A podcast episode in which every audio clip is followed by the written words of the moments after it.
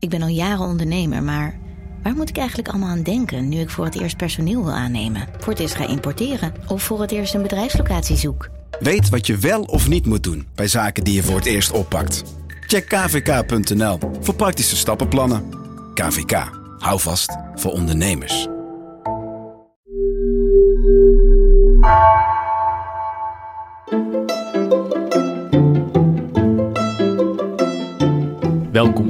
Wij zijn Onbehaarde Apen. Dit is een podcast van NRC over wetenschap.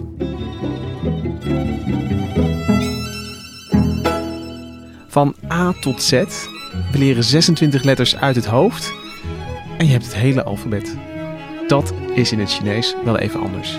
Daar zijn er tienduizenden karakters om te leren. En millennia lang was dat karakterschrift de norm in China. Maar vorige eeuw werd het bijna afgeschaft. Hoe kwam het zover? En zit het karakterschrift echt fundamenteel anders in elkaar? Of lijkt het misschien meer op het alfabet dan je op het eerste oog zou denken? Mijn naam is Lucas Brouwers en vandaag zit ik in de studio met wetenschapsjournalist Hendrik Spiering. Hallo. En Julie Plusset. Hallo. Welkom. En uh, Julie, jij bent het uh, karakterschrift machtig. Ja, klopt. Ik heb, een, uh, ik heb een paar jaar Chinees gestudeerd. Machtig is wel een groot woord natuurlijk. Ik, um, ik dacht, ik zet het meteen even op ja, scherp. Ja, ja, ja. Nee, um, ik moet zeggen dat ik het nu, als ik met de hand moet schrijven, dan kan ik het echt niet heel erg goed meer typen gaat heel aardig. Uh, sms'en, appen, al dat soort zaken. Dan, uh, dan, dan, dan wil het nog wel lukken. Maar nee, ik heb het een paar jaar gestudeerd. Dus uh, de grondbeginselen ken ik wel. En ik denk dat ik wel een paar duizend misschien karakters wel ken. Ik denk misschien wel in ieder geval meer dan 2000 of zo. Maar goed, er zijn... Je, als je echt een, een hoogopgeleide intellectueel bent, dan zit je toch al op de 7000 karakters. En het uh, kan oplopen tot de tienduizenden karakters. Ja, dus even. ja, wie het ooit machtig is, dat, uh, dat is een relatief begrip. Maar je, je kent het aantal duizenden uh, karakters. En dan kan je toch gewoon de normale day-to-day dingen lezen en uh, uh, in het Nederlands vertalen, zeg maar. Ja, dat moet wel kunnen. Ja, nou ja, ik moet zeggen dat het meeste wat ik nu lees in het Chinees is meestal de ondertiteling als ik, als ik dingen in het Chinees aan het kijken ben. Dus uh, zo hou ik het vooral nog een beetje in stand. Ja. En, en, kun je ons eens meenemen naar hoe het was om dat karakterschrift te leren? Want nou ja, de, de, de laatste keer dat de meeste mensen talen leren, dat is op de middelbare school. Uh, maar de talen die je dan krijgt, Duits, Frans, Engels, die zijn met hetzelfde alfabet geschreven. Soms is er een karakter wat anders en dat, daar besteed je dan een hele les aan. Uh, maar hoe gaat dat voor het Chinees, waar um, eigenlijk die koppeling met het alfabet al, al die, die, die is er niet? Ja, dat is zeker in het begin is dat super lastig, omdat toen ik die karakters aan het leren was, was ik niet alleen aan het leren om te schrijven, maar ik was ook aan het leren om te spreken en om te luisteren en alles in één.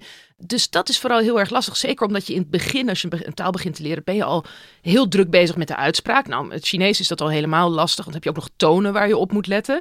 En dan tegelijkertijd moet je ook nog eens een heel nieuw schrift leren. Dus dat was zeker in het begin was het enorm overweldigend. En um, ik denk zeker het eerste jaar is het ook echt heel erg veel werk, omdat elk karakter bijna je het gevoel hebt dat je, nou ja, een, een, een ik wil het niet een plaatje noemen, want dat is iets wat een misvatting is over Chinese karakterschrift, is dat het een soort plaatjes zijn van de werkelijkheid. Maar als je begint met, met het leren, is het wel een beetje zo dat je het gevoel hebt dat je gewoon hele rare streepjes moet neerzetten en het totaal geen betekenis voor je heeft.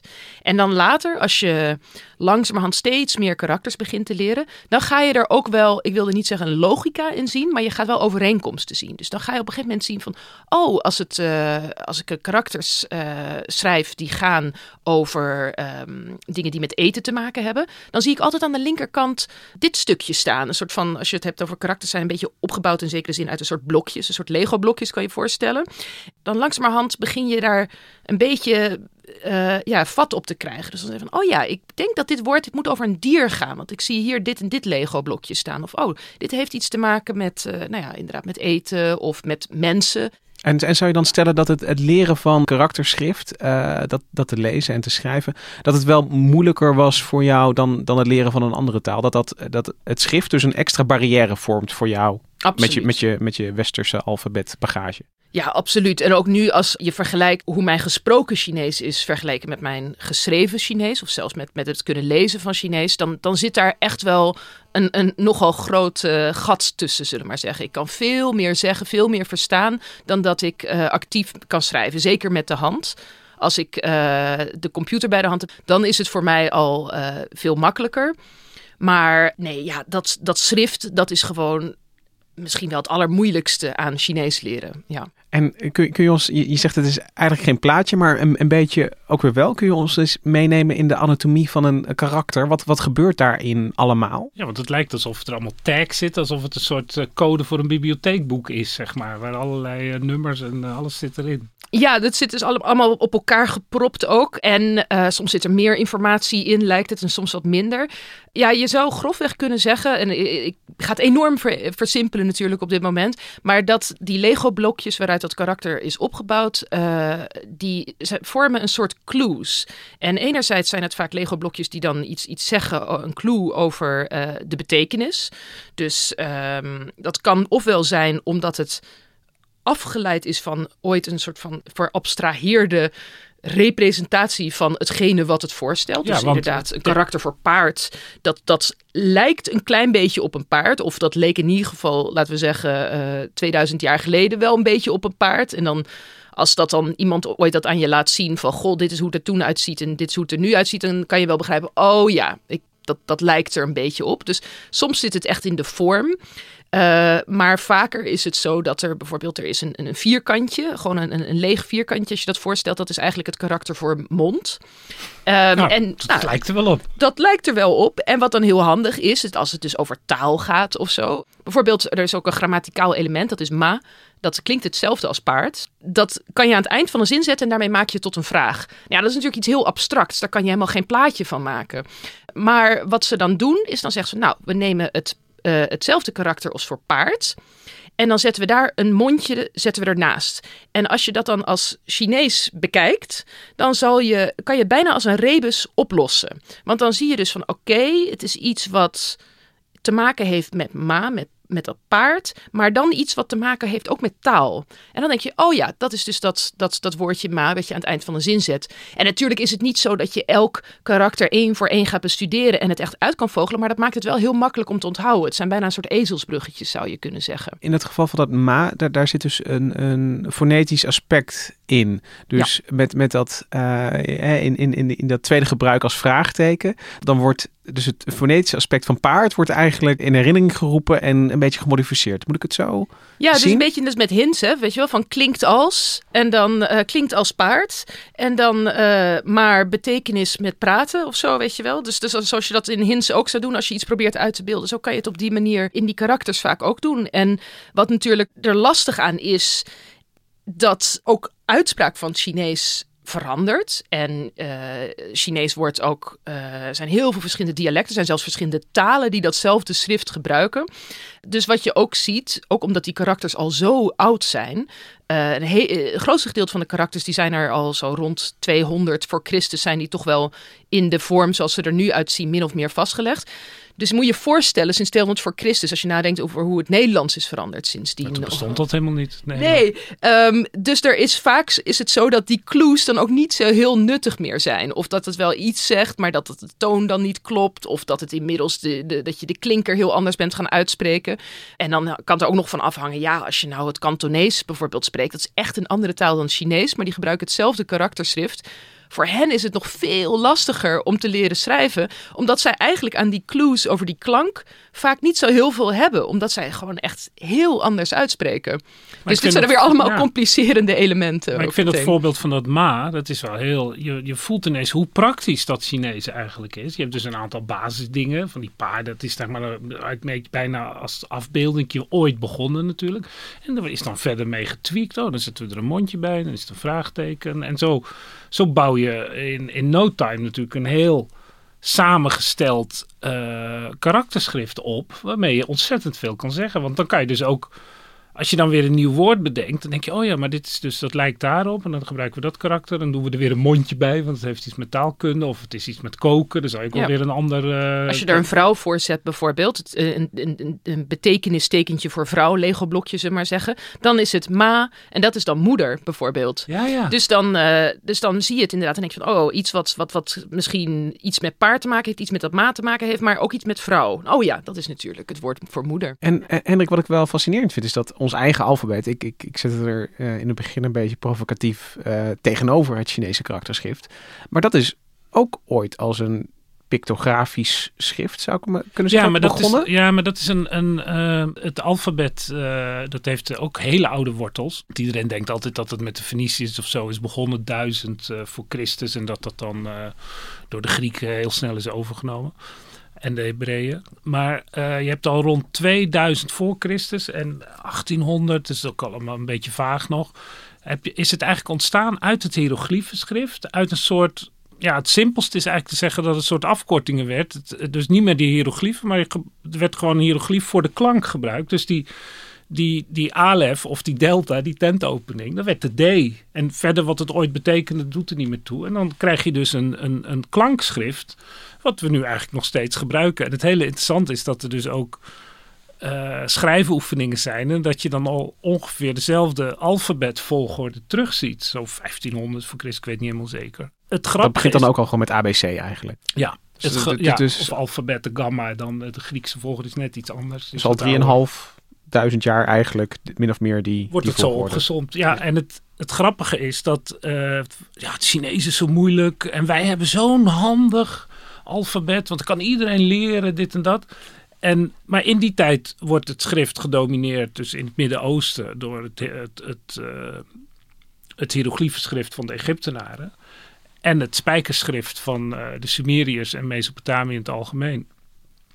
En ja, dat blijft gewoon bestaan. Het is helemaal niet zo dat als dat alfabet ontstaat, en dat ontstaat een paar keer, lijkt erg op elkaar en dan gaat het weer weg. Het is helemaal niet zo'n automatisch succes. Dus het was dus de, een, een, kronkelweg naar, naar Ja, een hele grote kronkelweg. En je ziet ook dat bijvoorbeeld allerlei vernieuwingen waarvan je zegt, oh dat is zo handig met het alfabet. Zoals het uh, alfabetiseren, een index maken. Dat je dus gewoon woorden op alfabetische volgorde zet. Dat is eigenlijk pas uit de 13e eeuw. Dus ja, weet je, dit. En je, je denkt dat je leest die letters zoals een kind leest. Alfabet. Maar je ziet eigenlijk dat woord in één keer. Zoals je ook het Chinese karakter in één keer ziet. Dus en, het lijkt er ook op. Het is heel interessant inderdaad dat het ook maar net van afhangt ho hoe je zo'n schrift gebruikt. En uh, een schrift is in verschillende culturen, verschillende tijden en door verschillende mensen gebruikt. Ja. En dat zie je ook bij het Chinees natuurlijk. Ja, wordt het gebruikt alleen in een religieuze context? Wordt het alleen gebruikt om misschien uh, rekeningen op te tekenen? Uh, wordt het gebruikt ja, alleen door de elite of ook ja. gewoon om brieven aan elkaar te schrijven? En al die dingen en dan alle technologieën die bij komen kijken. Index is ook ook interessant natuurlijk. is ook een vorm van een technologie. Ja, enorm. Dat is een geweldige technologie. Maar ja, als jij niet zo bezig bent met uh, boeken met, op een bepaalde nee. volgorde zetten, dan heb je, heb je dat eigenlijk helemaal niet nodig. Dus je ziet dat het altijd, uh, dat schrift, je kan niet zo heel abstract zo zeggen van ja, is dat is het ene schrift nou handiger dan het andere? Nee. Want het hangt er maar net vanaf in welke context. En uh, kun je wel schriften opdelen in, in, in hoeverre ze zeg maar uh, fonetisch of zeg maar echt uh, ja, afbeeldinggericht, pictografisch zijn? Nou ja, het grappige is natuurlijk dat voorbeeld van Ma. Ja, dat, dat is ik. eigenlijk al een soort klankschrift heb je dan. Maar de, de, voor mijn gevoel heeft, heeft het, het Chinese karakterschrift dan elementen van, van allebei. Weet je, van het is niet, het ja. draait dus niet alleen om de afbeeldingen, maar ook om de klanken. Ja, en het was wel grappig. Ik had daar ook eerder gesprek over met, met Hendrik. Het was een twistgesprek. Ja, het was een twistgesprek, een heftig twistgesprek. Waarin hij het eigenlijk zo tegenover elkaar plaatste. Van nou ja, het karakterschrift, hè, dat, dat, dat gaat over, uh, dat vertegenwoordigt een woord of een idee. Hè, en dan zo'n alfabet, dat is fonetisch. Uh, maar ja, toen zei ik van ja, aan de ene kant heb je dus sowieso al, omdat er zitten dus ook fonetische elementen in het Chinees. Dat, dat, dat, dat uh, hebben we nu besproken. Maar je kan ook over uh, het gebruik van het alfabet zeggen dat het vaak helemaal niet zo fonetisch is. En dat is echt heel fascinerend. Verschillende westerse talen gaan er anders mee om. Van hoe fonetisch gebruiken ze hun schrift nu? Dus als je bijvoorbeeld Italiaans bekijkt, als je eigenlijk de regels van de uitspraak leert, dan kan je elk woord uh, perfect uitspreken. Maar bij het Engels is dat totaal niet zo. Omdat ze op een gegeven moment hebben besloten van nou, wij blijven woorden spellen zoals ze, ze een paar eeuwen geleden waren. We gaan dat niet updaten. In Nederlands doen we dat wel vaak. Hè? Dus dan nou, op een gegeven moment hebben we besloten dat, uh, ja, wat was de laatste, uh, pannenkoeken, ja. dat we daar dan een N tussen gaan zetten of iets anders. Um, en dan vaak denken we op een gegeven moment van nou, we moeten dit toch een beetje updaten, zodat het wat meer overeenkomt met hoe je het uitspreekt. In het Engels doen ze dat niet. En wat je dan krijgt is dat het aan de ene kant heeft dat een voordeel, want dat betekent dat je dus uh, woorden uit, van Shakespeare bijvoorbeeld, of van veel eerder, van de Canterbury Tales of wat dan ook, dat je dat nog best wel uh, aardig kan lezen. Terwijl dat, als je het Nederlands uit die tijd probeert te lezen, dan is dat, dat, ja, dat is bijna onmogelijk. Um, maar het heeft natuurlijk ook een nadeel, namelijk dat als je nu als uh, kind bijvoorbeeld Engels aan het leren bent, of uh, Engels schrijven, dat het dan vaak heel niet intuïtief is ja. hoe je een woord spelt en hoe je het uitspreekt. Um, ik dus... heb een voorbeeld, denk ik, in ja. de, de combinatie GH. Bijvoorbeeld in high spreek je hem niet uit, maar als je hem in rough, dan wordt het ineens een F. Precies. Dat soort maffe dingen. dat kun je niet uitleggen eigenlijk. Zo'n bekend grapje dat je fish en god op precies dezelfde manier kan spellen. Als je dus al die uh, verschillende klanken ja uit elkaar haalt. Ja. In, in westerse talen is dat dan al heel divers.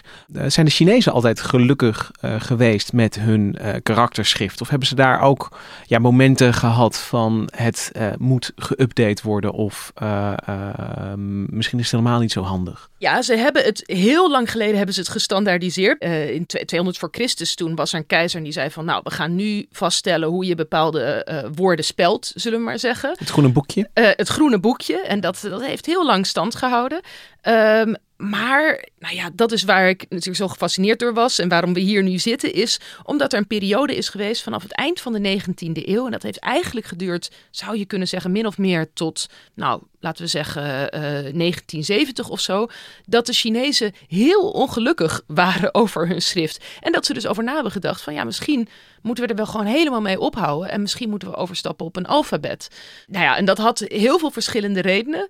Uh, zal ik meteen beginnen met een paar te noemen? Ja, noem maar het eerste is natuurlijk dat aan het eind van de 19e eeuw, begin 20e eeuw, is een hele tumultueuze periode in China. Het is de periode dat na duizenden jaren uh, het laatste keizerrijk valt. Dat is in 1911. En uh, het is een periode, nou ja, je zou kunnen zeggen het einde van een eeuw die zij zelf noemen de eeuw van de vernedering. Periode met dat er hele gedeeltes van China worden gekoloniseerd. Er zijn oorlogen. Um, gekoloniseerd moet je dus bedenken de Russen, de Duitsers, de Engelsen, de Fransen. Die pikken stukken China in of sluiten verkeerde handelsverdragen af. En in 1895 zelfs de Japanners, dat, ja, dat een beetje uh, rare uh, eilandje wat toch zoveel van de Chinezen min of meer heeft afgekeken, begon ook gewoon een oorlog tegen China en wist ze te uh, overmeesteren. En dat heeft China enorm aan het denken gezet en, en een beetje ja, geconfronteerd met het feit van oké, als wij niet gaan moderniseren, als wij niet op de een of andere manier proberen om ons te moderniseren, dan, dan gaan wij als land gewoon ten onder. En wat moeten wij nou doen om mee te kunnen in de vaart der volkeren. Nou, dat, op dat moment dat ze erover na gingen denken, waren er natuurlijk een hele hoop dingen die ze opnieuw kritisch gingen bekijken. Dat ging over van alles. Van, uh... Spoorwegen, militaire technieken. Precies. Uh, alles. Uh, het was natuurlijk ook een militair verschil dat die, die, die, die Engelse en Britse of Duitse legers, die konden die Chinezen heel goed verslaan. Ja, waarom eigenlijk? Terwijl in de 18e eeuw is er dan een ambassadeur van de Britten. Die biedt dan allemaal cadeaus aan de keizer. En die hoeft die cadeaus niet. Volgens mij zat er ook een koekoeksklok bij en zo. Nou, dat hoeven we echt niet, want we hebben alles zelf. En ja, dan die enorme onrust en vernedering daarna. Dat is echt een hele grote culturele uh, omslag in, ja, wat moeten we nu? We moeten alles anders doen. Ja. Maar als ik nu dan aan het Chinese karakterschrift denk, met die duizenden jaren geschiedenis, lijkt, lijkt me dat nou juist iets wat je, dat, dat bijna het laatste dat je misschien ter discussie zou stellen. Ja, maar je dat, kan er ook trots op zijn natuurlijk. Ja, ja. Maar, maar, maar, dat gebeurt er dus. Het is inderdaad moeilijk van elkaar los te zingen eigenlijk van in hoeverre was dat nou iets ideologisch? Het idee van we moeten gewoon af van alles wat traditioneel is, want dat houdt ons, dat, dat, ik, ik vergelijk het soms wel eens met uh, bijvoorbeeld die ingebonden voeten, wat ook een deel was van de Chinese cultuur. Ja. Dat was ook een moment dat ze zeiden van daar moeten we mee stoppen. We worden bekneld door die tradities en het, en het houdt ons tegen. En dat hadden ze dus ook, dat idee over het schrift. En je, ik vond ook wel heel interessant bijvoorbeeld... Ja, de kleding dat, die um, verandert ook natuurlijk. De kleding, die bekende de kapsels. Chinese staart, die werd ook een, ineens een soort vernedering van de manshoes en zo, ja. Ja, en je hebt bijvoorbeeld ook iemand in 1907 die dan zegt van... ja, de evolutionaire theorie zegt dat uh, datgene wat inferieur is, zal verdwijnen. En daarom moeten wij nu aanvangen om het Chinese schrift aan te passen. Dus je ziet ook, het is ook de tijd van het sociaal Darwinisme, waarin Ja. ze echt denken van, eh, ja, als we ons niet aanpassen, dan gaan we ten onder. En je hebt dus ook wat later, in de jaren dertig, de beroemdste eh, Chinese schrijver eigenlijk, eh Lu Xun, die dan gewoon zegt van, als we het schrift niet afschaffen, dan zal China ten onder gaan. Ja. En dan kan je zeggen van, nou ja, dat is dus ideologisch enerzijds, maar dat is ook praktisch. En eh, er zijn verschillende praktische redenen. De, de belangrijkste is misschien wel dat ze denken van ja, we moeten een moderne natie worden met moderne burgers. En wat is nou heel belangrijk eh, als je een moderne burger bent? Je moet kunnen lezen, je de, de kranten bij kunnen houden. Je moet kunnen converseren, debatteren, discussiëren. eh, je moet onderwijs kunnen genieten. En daarvoor moet je geletterd zijn. En tot aan die periode was slechts een heel klein percentage van de Chinese bevolking geletterd. En dat maakt ook niet uit, want het, eh, het overgrote gedeelte van de Chinese bevolking eh, was agrarisch, werkte ja. op het land. Maar ja, als je dan zegt van, nou ja, we willen niet meer een agrarische samenleving zijn, maar we willen een moderne natie vormen, dan is het heel belangrijk dat je goed kan communiceren en ook door het hele land heen. Dus toen dachten ze, ja, als we dan al die mensen moeten gaan onderwijzen in dat karakterschrift. Ik kan me ook wel voorstellen dat ze misschien wel dachten van, ja, dat is misschien helemaal niet te doen. Nee, maar dat komt ook omdat natuurlijk het, het, het, het, het toen superieure westerse met al die koloniale schepen overal en, en, en die, die grote mond die ze overal gaven, die hadden dat Latijnse schrift. Dat leek dan superieur. In dezelfde tijd, volgens mij in de jaren twintig al, schakelt eh, in bijna vergelijkbare situatie na de val van de Ottomanen in eh, Constantinopel, het hele Ottomaanse Rijk wordt gemoderniseerd door Atatürk, het huidige Turkije. En dan, dan wordt het Arabische schrift, wat eigenlijk ook gewoon een alfabet is, wordt vervangen door het Latijnse schrift. Er wordt in één, in één klap wordt die hele Turkse literatuur die er altijd was, f- totaal verouderd. En moeten die kinderen allemaal nieuwe letters leren. Waarom? Omdat het modern was. Omdat was, dat was de vooruitgang. Ja, en je moet ook bedenken dat er een groot verschil was tussen geschreven taal en gesproken taal. Dus dit is ook een periode waarin ze niet alleen zeggen van misschien moeten we eh, zo'n alfabet gaan overnemen omdat het gewoon echt veel makkelijker is om te leren. Dat, dat is in feite zo. Het is makkelijker om te leren. Maar ze zeggen ook van ja, de manier waarop we schrijven in het Chinees, dat moet ook meer gaan lijken op de manier waarop we praten. Want tot nu toe, als je iets op papier zet, dan moet het ongeveer klinken alsof Confucius het ook had Ja, kunnen ja. zeggen. Wat je Nou vroeger ja. in het Nederlands ook had. Als je oude teksten die, die voorgelezen worden. Het klinkt allemaal vreselijk formeel. Maar mensen praten natuurlijk gewoon zoals we nu ook praten. Dat, dat, dat was een veel grotere kloof dan nu. Dat vind ik dat zo bijzonder als je Neskio of iets dergelijks Ja. leest, leest. Dat is dan een van die eerste Nederlandse schrijvers die echt gewoon spreektaal op papier gaat zetten. En dat ziet er dan heel modern uit. Ja, het is dezelfde tijd trouwens. Maar jullie, je was dingen aan het opsommen waar, waarin het zeg maar argumenten om het karakterschrift af te schaffen. Dat, Ja. is, dat is dus verheffing eigenlijk, onderwijs. Dat is, dat is er eentje. Natievorming. ja. Natievorming, eh, modernisering. Ja, gevoel van modernisering. Ja, zijn er nog meer? Ehm, ja, en dan is er nog de technologie. En dat zijn twee eh, technologieën die we nu misschien niet meer meteen denken van... oh jezus, dat is zo ontzettend eh, modern en indrukwekkend. Maar toen wel, namelijk telegrafie en de typemachine. Die kwamen allebei aan het begin van de 20e eeuw op. En eh, ja, dat kunnen we ons bijna niet meer voorstellen. Maar telegrafie, dat was echt een revolutie. Want je kon plotseling, kon je gewoon een bericht in ja, minder dan een halve minuut van de ene kant van de oceaan naar de andere kant van de oceaan doorgeven. En Alleen militair was dat al van enorm belang natuurlijk. precies. En eh, zij zagen ook met dat Chinese karakterschrift. Kijk, hoe, hoe werkt ook alweer telegrafie? Dat moeten we misschien nog eventjes weer op. op Morsen. die morsecode. Ja, precies.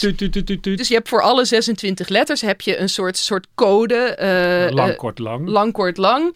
Die vertegenwoordigt een letter. Voor 26 letters is dat eh, best te doen. Dat, dat, dat werkt dus hartstikke handig. En je kan dat zo leren. En eh, tijd kan je dan heel, heel gemakkelijk allerlei boodschappen overbrengen. Maar hoe werkt dat nou in hemelsnaam met Chinese karakters? Als je dus duizenden karakters hebt. Nou ja, eh, sowieso heeft China zich dus nog een hele tijd verzet. Maar toen op een gegeven moment dachten ze van... oké, ja, we moeten mee in de vaart der volkeren. Want inderdaad, wat als, eh, als wij ook zaken willen doen...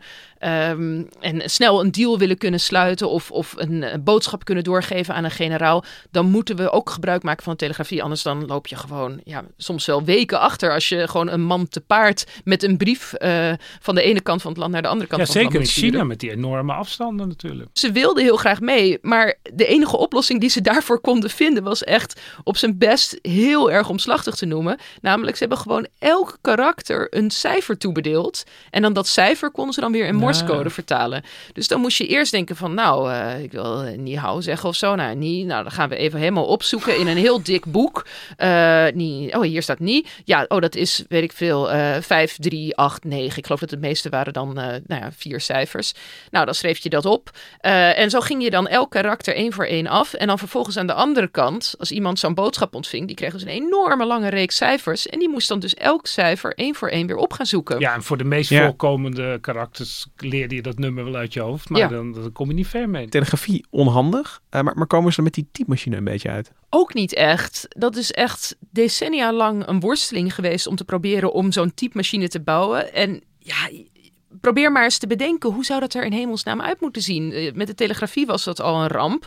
Maar je kan niet voor elke karakter een toets maar je maken. kan toch voor ieder streepje dan, en dan, blijft, dan, dan stel je dat het karakter met allemaal losse streepjes samen of zo. Dat hebben ze geprobeerd, maar dat is heel erg lastig. Um, ja, want zo is een karakter, het is niet zo makkelijk nee, nee. opgebouwd dat er, dat er zo'n... Um, beperkt aantal streepjes is die op een bepaalde plek staan, dat je dat zo aan elkaar kan heel zetten. Subtiel, ja, het is natuurlijk een, een schrift dat gemaakt is om te kalligraferen eigenlijk. Om, om tenminste, ik, ik, ik zie me geduldig uh, schrijvende mensen die, die heel sierlijk al die, die, die, die karakters uh, precies uh, samenstellen, vormen. En dat, dat lijkt een beetje in tegenspraak met de typemachine waarbij alles heel rigide ook maar een, een, een, een vaste breedte op het papier heeft. Alles moet hetzelfde zijn. Ja. Natuurlijk. ja, en je moet dus bedenken dat ze, nou ja, ze hebben dus wel typemachines gebouwd. Zagen die eruit dan? Ja, dat is echt waanzinnig. D dat is ook een beetje waar mijn fascinatie met het onderwerp is begonnen. Een paar jaar terug, ik was uh, in de Universiteit Leiden, toen stond er in de kelder daar een absurd apparaat. En dan moet je voor je stellen alsof je ja, een uh, hele grote puzzeldoos ziet die voor je ligt. En daar liggen duizenden hele kleine stempelstaafjes uitgestald in die doos. Bijna als, als, als z-letters ja, of iets dergelijks. Dan, ja. En daarboven uh, hangt dan een apparaat met een grijpertje eraan. Een beetje zoals je van dat van als je op de uh, kermis. Ergens, precies, als je ergens een muntje ingooit en dan komt er zo'n grijpertje en dat moet je dan boven uh, precies het juiste stempelstaafje positioneren waarmee jij wilt typen. En dan druk je heel hard op een toets. En dan grijpt hij dat stempelstaafje en dan smijt hij dat zo tegen het uh, ah, inklint aan. Of hoe heet techniek. Het is wel een mooie techniek. Uh, maar, maar als, als ik me herinner hoe vaak typemachines vastliepen, dan kan ik me voorstellen dat dit ook een nou ja, crime was om te bedienen en een crime om te onderhouden. Ja, want hoe vis je dan het juiste? Moet je dan eerst het nummer opzoeken of zo? Je moest dus een ordening aanbrengen. Met een alfabet kan je moeiteloos uh, ordenen. Wat voor woord je ook opzoekt, je weet precies waar je het kan vinden. Want je weet gewoon, oh, alles staat op alfabetische volgorde. Maar zoiets als alfabetische volgorde bestaat helemaal niet nee. voor een karakterschrift. Dus je moet een andere logica bedenken waarop je al die karakters ordent. Uh, en dat was uh, heel erg lastig om te doen. En het was fysiek dus ook een enorme uitdaging. Van ja, hoe kan je nou al die duizenden karakters dan Ja, ergens want het was niet uh, zoveel aanslagen per minuut natuurlijk. Dat ging vrij traag. Nee, dat ging heel erg traag. En dat, er werd ook allerlei cartoons over gemaakt in die periode. Door allerlei hele gemeen westerse cartoonisten. Die dit ook een beetje zagen. Juist symbool als het voor de symbool achterlijkheid. voor de achterlijkheid. Ja, en dat, ja. dat, dat vonden de Chinezen zelf eigenlijk ook een beetje. Die schaamden zich daar echt een beetje Terwijl voor. de, de, de, boekdrukkunst in China is uitgevonden natuurlijk. Ja. Ja. En ik bedoel, we hebben nu echt, echt een, een hele stapel argumenten om het karakterschrift uh, bij het oudveld te zetten. Maar ik, ik bedoel, het is niet gebeurd. Het is uh, alive and kicking. Uh, hoe is die de, de discussie, hoe verloopt die en, en waar komt die op uit? Ja, dat is een moeilijke vraag. Want ik kan je wel vertellen van er zijn bepaalde argumenten ertegen. Maar het is natuurlijk niet zo dat het allemaal heel logisch is verlopen. Hè? Je moet er is ook geen bedenken... commissie geweest die, dit, die dit hier een advies over heeft uitgebracht aan de, de, de regering. Nee, maar... wat, wat vervolgens is afgehamerd of zo. De regering besluit. Het is maar één orgaan in zo'n land die dat kan afdwingen. En dat is de overheid. Ja, dus inderdaad, als je, er, als je je afvraagt van hoe had dit nou besloten kunnen worden, dan is er eigenlijk maar één antwoord mogelijk. Dan had Mao daartoe moeten besluiten. Want, want Mao is dan de eerste centrale figuur die de macht heeft om die, dat die genoeg doen. macht heeft ja. om dat te kunnen doen eigenlijk. Ja, en dan moet je dus voorstellen dat dat pas vanaf 1949, het moment dat hij aan de macht kwam, na eh, een lange Chinese burgeroorlog, was hij in de positie inderdaad om dat te doen. En uh, er zijn heel veel vragen ook over waarom heeft hij dat niet gedaan? Want hij heeft heel veel heel ingrijpende uh, zaken doorgevoerd in, in de jaren daarop. Als het gaat om landbouwbeleid, militair beleid, et cetera, et cetera. En de um, discussie lag klaar. En de discussie lag klaar. En er, het is ook bekend dat hij zelf allerlei ideeën erover had van, nou, we moeten eigenlijk overstappen op iets als een alfabet, zodat iedereen goed Chinees kan leren. Past ook bij het communisme, versimpelig, uh, rechtlijnig. Ja. ja. Ja. dus dat is best wel een groot vraagstuk. Ik heb ook een Chinese historica geïnterviewd, Jing Zhu, uh, die een boek heeft geschreven, Kingdom of Characters, wat, wat gaat over hoe dat schrift nou eigenlijk de 20ste eeuw heeft doorstaan, zullen we maar zeggen. En ik heb haar die vraag ook voorgelegd. Ze zei enerzijds, op het moment dat Mao aan de macht kwam, was er toch ook wel weer een herleving van een bepaald soort nationalisme, wat het niet heel gemakkelijk maakte om dit schrift, wat toch een knieval voor het Westen is natuurlijk, om dat af te schaffen. Ja, in zekere zin wel. Zo zag zij het. Ze zei van ja, dat, dat, dat was eigenlijk niet meer mogelijk om op dat moment dat uh, door te drijven. Waar ik zelf wel een beetje mijn twijfels bij heb. Want ik denk ze hebben heel veel ingrijpende dingen uh, toch afgeschaft. Er is ook een hele culturele revolutie uh, daarna nog gevolgd. Waarin ze de allerprachtigste architectuur en tempels uh, in China kapot hebben gemaakt. En, en ja. was Mao Zedong zelf opgeleid? Was hij zelf het karakterschrift machtig? Ja, en, en, nou ja, en daar zie je natuurlijk ook wel. Dat is een beetje. Het zou interessant zijn om in zijn hoofd te kruipen. Maar hij hield ook heel erg van kalligrafie. Mm -hmm. En uh, ook de krant van uh, China, als je kijkt naar, wij hebben NRC een mooi logo en een bepaald lettertype staan. Pijnlijk punt, want het logo is. Uh... Nou ja, dat, dat staat nog logo is vernieuwd. logo is vernieuwd. Ja, ja zo, zo, zo doen wij dat gewoon in Nederland. Maar, maar in China kan je dat dus niet doen. Want het lettertype van de krantennaam is gewoon het handschrift van Mao Zedong. Die gewoon oh ja. uh, Echt waar? ja, de titel van de krant heeft opgetekend. Dus um, maar, ja, maar, hij hechtte toch wel aan die kalligrafie. Dus dat is natuurlijk een persoonlijk standpunt.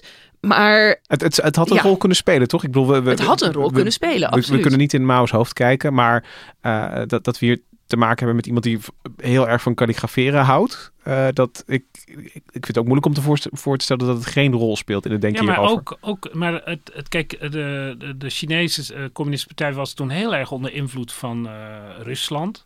Dus dan hadden ze bijna het Cyrillische schrift moeten gaan nemen. Hebben ze het ook, over gehad? Ja. En dat is inderdaad een interessant punt. Maar dat is ook weer zo'n knieval. Dan zeg je toch, die cultuur ja. is eigenlijk beter dan de onze. Er is ook nog ergens een soort anekdote van dat Mao dan met Stalin een keer zou hebben gesproken. En dat Stalin toen heeft gezegd van, joh, dat moet je toch niet doen. Gewoon overstappen of zo'n alfabet. Jullie moeten toch iets mooi Chinesigs behouden. En dat is wel heel interessant. Als, als, als je nou aan mij vraagt van, wat is nou de reden geweest dat dat niet is doorgedrukt? Want er is in die periode heeft Mao wel nog een beetje tweeslachtig een soort wedstrijd uitgeschreven. Dat mensen met ideeën mochten komen van hoe moeten we nou het schrift vernieuwen. En dat heeft hij dus als een vraag gesteld. En er zijn duizenden voorstellen op ingestuurd. Ze zijn allemaal naar de gevangenis gestuurd, die mensen. Uh, nou ja, het is niet met iedereen af, goed afgelopen, inderdaad. Maar hij, hij zei er ook wel bij van ja, maar het moet wel een schrift zijn met een Chinees karakter. En ik denk dat dat een soort dubbelzinnige boodschap was, waardoor iedereen toch wel dacht van, nou ja, dan kunnen we niet meer straks bij Mao aankomen met van, nou, na lang beraad zijn we toch uitgekomen op dat westerse alfabet. Dus ik denk dat dat uh, een mogelijke factor is geweest. En dan ja. moet je ook nog bedenken, er zijn natuurlijk ook nog heel veel praktische redenen hè, waarom het heel erg zou zijn geweest. Die, misschien niet zo veel te maken hebben met het communisme of wat dan ook. Maar het zou natuurlijk ook een enorme breuk zijn geweest met, met dat traditie. hele verleden. Ja. Ja, want dat, dat is natuurlijk een, een revolutie, is natuurlijk altijd een tijd van afrekening. Weet je, van, van er zijn natuurlijk, je zet je af tegen iets wat ervoor is gekomen. Dus er moeten duidelijk dingen overboord worden gezet. En tegelijkertijd moet er een nieuwe identiteit worden uh, gesmeed. Ja, want anders, want je moet ook zeggen wat je, wat je wel bent. Je kunt niet alleen zeggen wat je niet bent. En dat dilemma, zeg maar, kan ja. ik me heel goed voorstellen dat zoiets als het, het schrift dan het, het overleeft. Ja, want als je nu vergelijkt met uh, de Turkse situatie, is eigenlijk een mooie parallel. Ten eerste was het dus niet een Turks schrift wat ze afschaften, maar het Arabische schrift, wat natuurlijk met, met de islam uh, bij de Turken was gekomen. En tegelijkertijd werd, was er ook een soort nationalistische zuivering van de taal.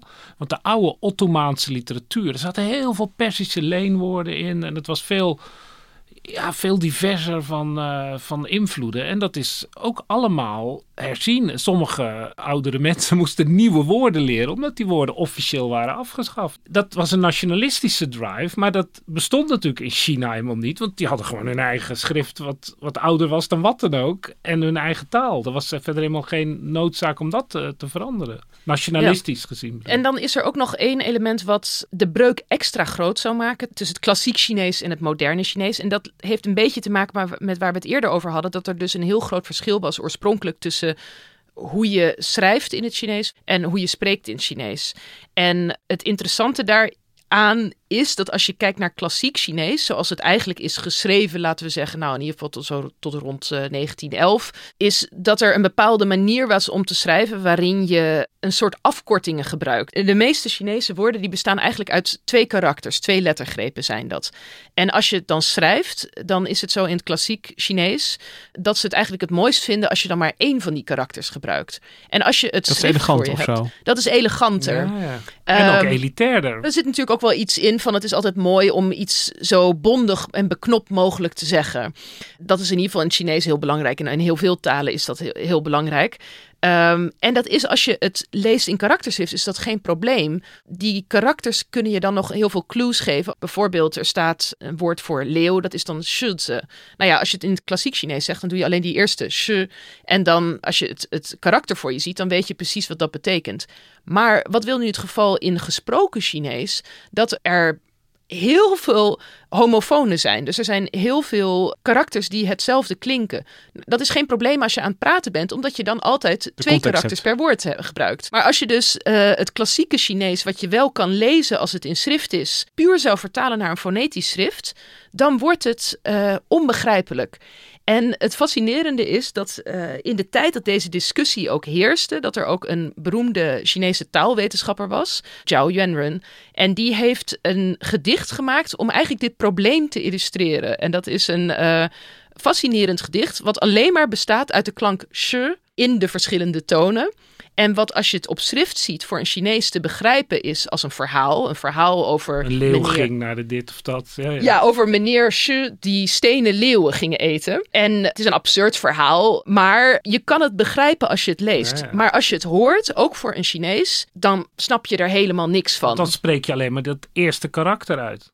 Ja, dan spreek je alleen dat eerste karakter uit en dan is dat compleet onbegrijpelijk. En dit is een gedicht, als je dit aan een Chinees vertelt, die kennen allemaal dit gedicht, maar die denken eigenlijk, oh, dat is zo'n grappig verhaal. Het is een beetje de, eh, een tongue twister of de, Ja, de de krullen van, van, de, eh, ja, ja. van de trap of zo. Iedereen kent dat. Wordt je Maar- leerde liesje lopen langs de lange lindenlaan? Precies, een soort grap. Maar het is eigenlijk bloedserieus, want Dat het is werd een tirade. gebruikt als een bewijs om te zeggen: dit is wat er gebeurt als wij afstappen van dat schrift. Dan wordt daarmee een breuk tot stand gebracht met de hele klassieke Chinese literatuur, die het min of meer onbegrijpelijk maakt. En ik dacht, misschien is het ook wel leuk om nog eventjes te luisteren van hoe dat dan klinkt als gedicht. 时是时是时是是是是时时时是时时是是是时 Shi shi shi shi shi. Zo gaat het eindeloos door. Maar ik, ik wil nog even begrijpen ook. Dus, dus, eh, want dat, ik ga hem even voor mezelf samenvatten om te, om te kijken of ik het helemaal kan, kan volgen. Eh, eh, in het ehm, Chinese schrift zet, zet, zet, je hem dus als, als dubbele karakters. zou je hem neer kunnen zetten, maar is de traditie om dat maar in één karakter te doen? Precies, dus er zijn woorden in dit gedicht. Heb je bijvoorbeeld shizi is, is leeuw, maar dat wordt hier dan alleen shi gebruikt. En aan het karakter kun je het zien natuurlijk, dat het wel een ander woord is dan een andere shu. Precies, en je hebt bijvoorbeeld Li Shi, staat er dan naast. Dat is dan het verhaal of de geschiedenis. En dan staat hier alleen Shi. Heel veel van die oude teksten zijn dus op deze manier geschreven, eigenlijk gecomprimeerd. Waardoor als je het, het, eh, dat als basis voor fonetisch schrift zou gebruiken, je er eigenlijk niet meer uitkomt en je het. Eh, on, dan ben je de koppeling kwijt tussen, tussen het uitgesprokene en dat wat er geschreven is. Heb ik het dan goed begrepen? Ja, als je het puur in eh, fonetisch schrift zou optekenen, maar dus ook als een Chinees er puur naar zou luisteren, dan zouden ze niet de betekenis helemaal kunnen vatten. Ze hebben het echt nodig om dan naar die karakters te kijken om te begrijpen wat er staat. Dan zou het ondertiteld moeten worden als je dit uit zou spreken. Precies. Ja, want Ja. iedere she is een ander karakter. Iedere she is een ander karakter, zelfs als het dus dezelfde toon heeft. En dat is, eh, dus dat is een eh, groot probleem, waardoor ze dachten van ja, dat is een, uh, dat verlies je dus inderdaad als je overstapt op zo'n fonetisch schrift. Want het is natuurlijk uh, best mogelijk om in een alfabet uh, het Chinees uit te drukken qua schrift. Je moet er nog wel tekentjes bij zetten om aan te geven van goh, welke toon is het nou precies? Um, maar dat is in principe wel mogelijk. Daar was je uitgekomen. Chinees. Als, Daar was je uitgekomen. als er een uh, partijcommissie was geweest die, die deze opdracht had gekregen, dan waren ze eruit gekomen. Dat is een eindeloze ja. reeks accenten mogelijk. Ja, en nou ja, dat hebben ze dus wel gedaan. Dat hebben ze ook gedaan. Uh, ze hebben het pinyin ontwikkeld. Dat is er wel nog gelukt onder Mao. Um, maar dat hebben ze alleen ingezet om kinderen te helpen bij het leren van een karakterschrift. Dus op dezelfde manier dat het voor mij heel lastig was die karakters in één keer te leren. Je wilde misschien ook erbij hebben staan van ja, maar hoe spreek je het nou eigenlijk uit? Uh, en, en, dat dus, doet het pinyin. Dat doet het pinyin. Het pinyin is eigenlijk um, hoe je de Chinese taal uitdrukt in een alfabetvorm. In Latijnse dus je, letters. In Latijnse letters. Dus als je bedenkt bijvoorbeeld uh, Beijing, dat is de, de hoofdstad van China. Dat is pas sinds er pinyin is dat het geschreven wordt als B-E-I-J-I-N-G. Ja, want vroeger zeiden we Peking. Ja, maar dat is eigenlijk, dat was gewoon een andere manier om Beijing op te schrijven. Maar toen gebruikten ze een P voor de, voor de B-klank Ja, ja, ja. en gebruikten ze een K voor de J-klank. Uh, en er waren ook heel veel andere manieren. Dat was natuurlijk ook elke westers land had weer een andere manier om dan te proberen uh, het Chinees uit te drukken in die klanken. Uh, dus daarom zie je bijvoorbeeld dat het in het Frans bijvoorbeeld Pékin is Ja, het geworden. dat is eigenlijk een reflectie van hoe het vroeger gewoon, ja, iedereen kon zelf bedenken hoe je ongeveer Ja, het ieder- Chinees naar alfabet kon Maar vertalen. Maar er is een gestandaardiseerde versie van Is gemaakt. dus het Chinees. Beijing is de Chinese voorgeschreven spelling. Ja, Beijing, dat is de officiële spelling van de hoofdstad in het pinyin, in het Latijnse alfabet. Maar het pinyin is heel nadrukkelijk eh, ontwikkeld ook, of eh, uitgewerkt als onderwijsinstrument. Uh, ja, dat was de belangrijkste functie. Maar het heeft daarna een soort geweldig naleven ge ge uh, gekregen, zou je kunnen zeggen. Omdat het ook een van de belangrijkste manieren is waarop ze uh, vervolgens karakters zijn gaan ordenen. We hadden het daar net over met zo'n typemachine. Het is natuurlijk heel lastig van, ja, hoe, hoe, waar doe je nou welk stempelstaafje. Nou ja, als je, als je dat pinyin hebt, dan kan je die karakters in zekere zin alfabetisch ordenen. Dan gebruik je toch weer het alfabet om uh, de, de, de, de karakters een, een plekje te geven. Juist. Ja. En um, als je dus ook een uh, Chinees woord wil opzoeken in een woordenboek, dan kan je dat ook aan de hand van pinyin doen. Er zijn ook andere manieren die ontwikkeld zijn, maar dit is wel een van de belangrijkste en makkelijkste manieren.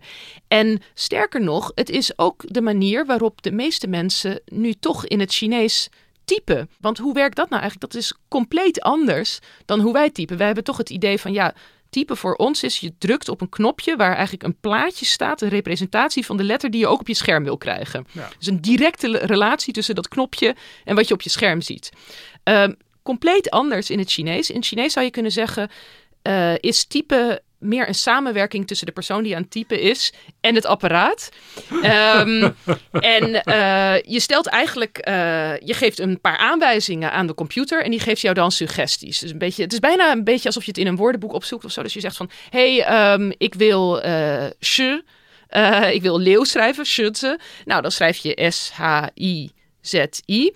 Nou, en dan geeft de computer jou de zes of zeven uh, meest voorkomende... woorden, meest voorkomende woorden. Uh, karakters. Karakters, karakters sorry. precies. De meest voorkomende karakters um, die die klank hebben. En dan staan er cijfertjes naast.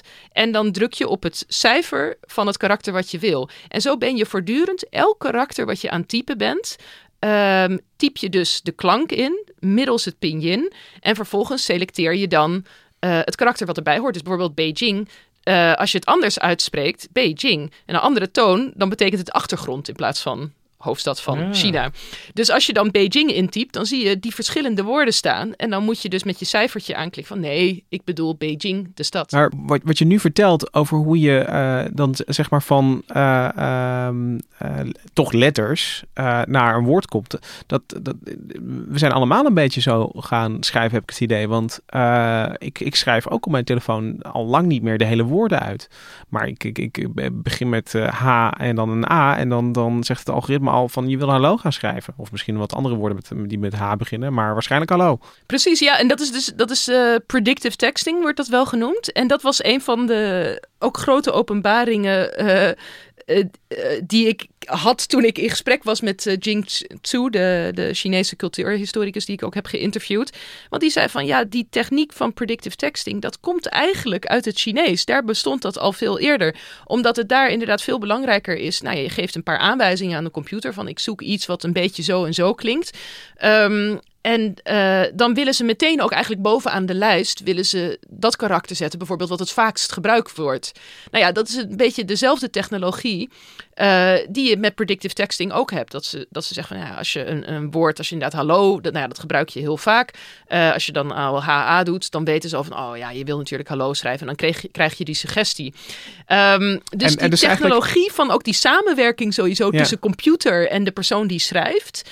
Um, en Chinees. Die is heel, ja, is in zekere zin heel Chinees. En dat is dus een compleet loskoppelen van. Um, uh, nou ja, daar wordt, ik vind het altijd heel interessant dat mensen ook wel zeggen van ja, ik ben veel slechter gaan schrijven of gaan spellen door die predictive texting. Omdat je kan van alles en het een autocorrectie, omdat je typt gewoon ongeveer hoe het klinkt. En de computer die maakt er wel correct Nederlands van. Nou ja, dat heb je uh, in het Chinees nog veel meer. Omdat je inmiddels, dat heb ik dus ook, ik kan veel beter typen in het Chinees dan met de hand schrijven. Omdat ik gewoon zeg van ja, ik weet wel ongeveer, ik weet wel hoe je het zegt. Maar ja, hoe je het schrijft, uh, welke Lego blokjes zo'n karakter bestaat, dat weet ik niet meer. Maar als ik het voor me zie, dan denk ik, oh ja, ja het is die Je kan natuurlijk. het wel lezen, maar je kan het niet schrijven. Zeg ja, maar. dus het is heel passief. Dat heb je misschien ook wel als je in Nederlands schrijft. Als je, als je het, het verkeerd optypt, dan zie je nog wel van, oh, er is iets mis mee. Maar wat er dan mis mee is, Nou, dat, dat kan je dan heel moeilijk Ja, dat soms heb je in het Engels bij wijze van spreken. Je kunt het allemaal prima lezen, maar als je het moet gaan spellen, maak je allemaal fouten natuurlijk. En het is dus de software geweest eigenlijk die, ehm eh, dus, dus eh, telegrafie, nee, typemachine, nee, maar eh, computer, ja, dankzij dit, dit soort software eigenlijk. Want, want ik bedoel, een, een, een Chinees karaktertoetsenbord, dat is, dat is natuurlijk een even grote nachtmerrie als een, als een Chinese typemachine eigenlijk. Precies, dus je zegt van nou, we slaan niet al die karakters op al die toetsen op en dan moet je naar die toetsen weer gaan zoeken. Nee, we doen al dat opzoekwerk, dat, dat geven Ja. we over aan de computer. Die heeft een hele database aangelegd. En je geeft aanwijzingen die de computer helpt om de juiste karakters op te halen, ze maar zeggen. En dat kon omdat eh, in de jaren 50 en 60 onder Mao dat Pinyin helemaal ontwikkeld is en, en een soort standaard is geworden. Dus dat lag al klaar. Dat lag al klaar. Eh, het is wel zo dat Pinyin helemaal niet de enige manier is waarop Chinezen typen. En dat is nog eh, redelijk verbijsterend. Er zijn heel veel andere manieren waarop ze typen, waarin ze dus aanwijzingen geven die bijvoorbeeld niet met klank te maken hebben, maar met die Lego-blokjes. Ah. eh, waaruit een karakter is eh, opgedeeld. En dan kan je dus zeggen van ja, ik zoek een. eh, ik zoek de karakters die dan links dat Lego-blokje mond hebben, bijvoorbeeld. En dan, maar ook dat andere Lego-blokje. En als je dan geef je een paar van die Lego-blokjes aan en dan toont het jou alle karakters waar die onderdeel van zijn. Je kan ook zelfs doen in de eh, richting waarmee je penseelst, eh, de penseelstreek op papier zet. Dus als je, nou ja, als je bijvoorbeeld in Nederlands ook. eh, een, eh, dat zou je ook voor letters kunnen doen. Als je een A schrijft, dan begin je van rechtsboven naar linksonder. Ja, trek je diagonale streep. ja. Of, of ik zoek een ronde letter. Ronde. Met, met, Eh, met een, een P of een B Ja, of een D. Zo zouden wij ook een toetsenbord kunnen creëren. Hè? Dat je zegt van, goh, eh, we, we doen eerst eh, alle letters waarmee je met een horizontaal streepje van links naar rechts begint. Dus dat is de T. Maar in het, in het Chinees is het heel duidelijk in welke volgorde en in welke richting je een karakter op papier moet schrijven. Dus er zijn allerlei verschillende manieren waarop je aanwijzingen kan geven in de computer. En dat zijn allemaal verschillende manieren om te typen. Maar in zekere zin werken ze dus allemaal op die manier dat je echt in samenwerking met de computer eh, telkens aanwijzingen geeft en dan een lijst met zoekresultaten eigenlijk terugkrijgt ehm, waar je dan uit kiest. Maar dat Pinyin is wel het belangrijkste, denk ik, of niet? Ja, ik denk het wel onder Chinezen op het vasteland zeker. Maar wat zou er dan gebeuren? Dus even ja. een hypothetische situatie. Als in één klap alle karakters zouden verdwijnen, dan zou iedereen in dat Pinyin kunnen communiceren.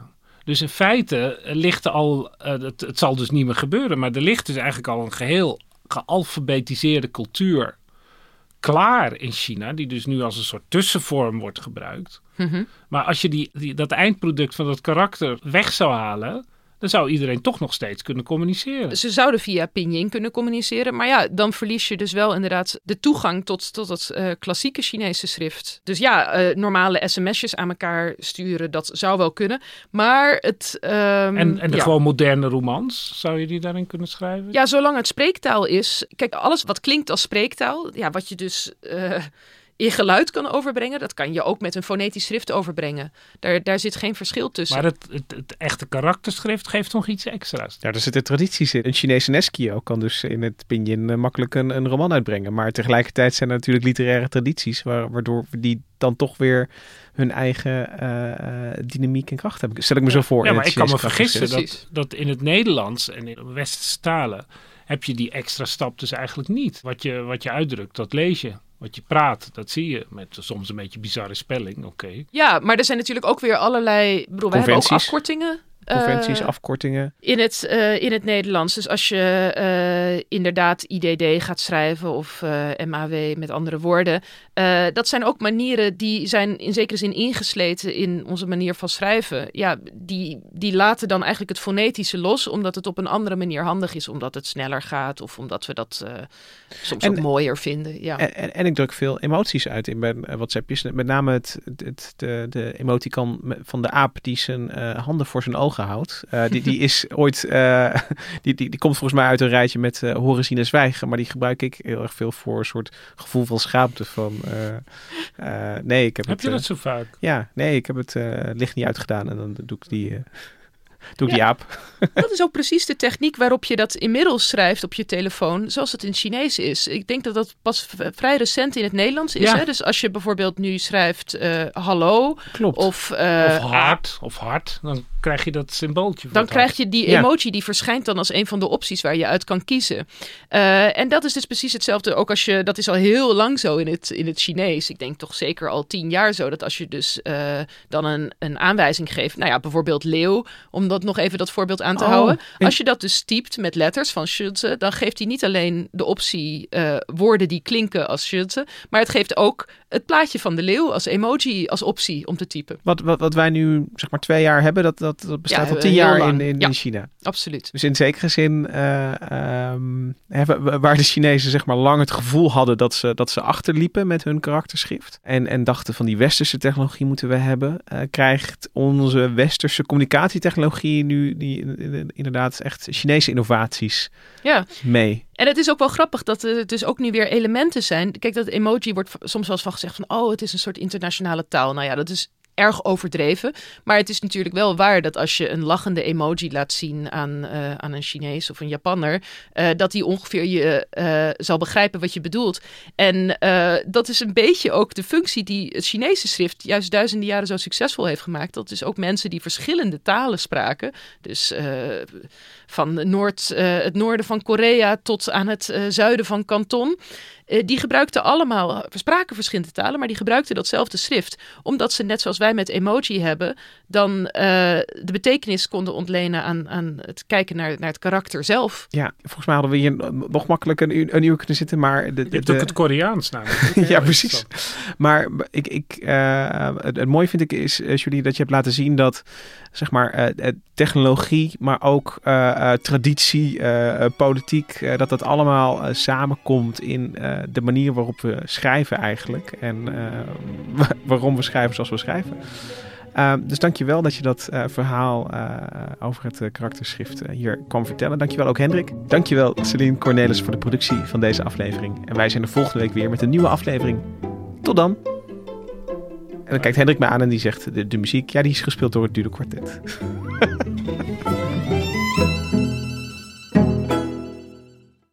Technologie lijkt tegenwoordig het antwoord op iedere uitdaging. Bij PwC zien we dit anders. Als we de potentie van technologie willen benutten, kunnen we niet zonder een menselijk perspectief. Human-led, tech-powered noemen we dat. Ga naar pwc.nl.